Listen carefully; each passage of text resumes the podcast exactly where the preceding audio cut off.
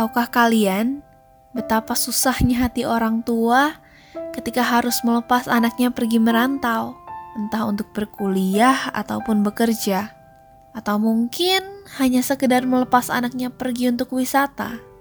Kalau kalian belum tahu, mungkin karena kalian belum jadi orang tua.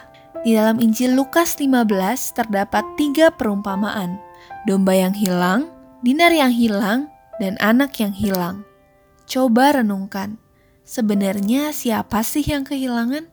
Kita selalu berpikir, kasihan banget dombanya tersesat dan hilang.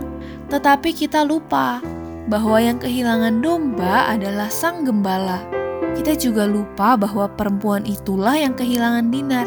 Perempuan itulah yang menderita kerugian.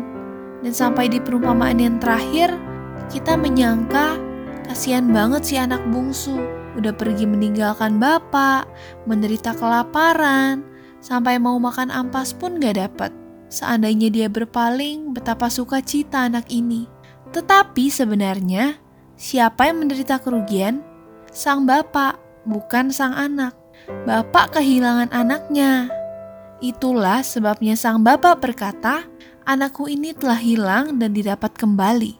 Lalu mulailah mereka bersukaria.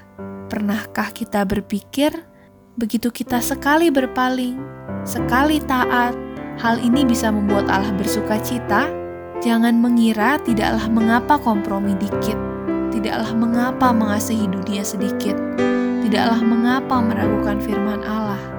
Hei, ketahuilah, itu sangat besar kaitannya dengan Allah. Itu merugikan Allah. Allah bisa menciptakan alam semesta, Allah bisa memberikan sesuatu kepada manusia, namun Allah juga bisa kehilangan tempat dalam hati manusia. Kembalinya seorang anak yang hilang telah membuat Allah bersuka cita. Teman-teman, semoga kita menyadari kapan kala kita menjauhi Allah, berpaling dari Allah, Allah lah yang menderita kerugian.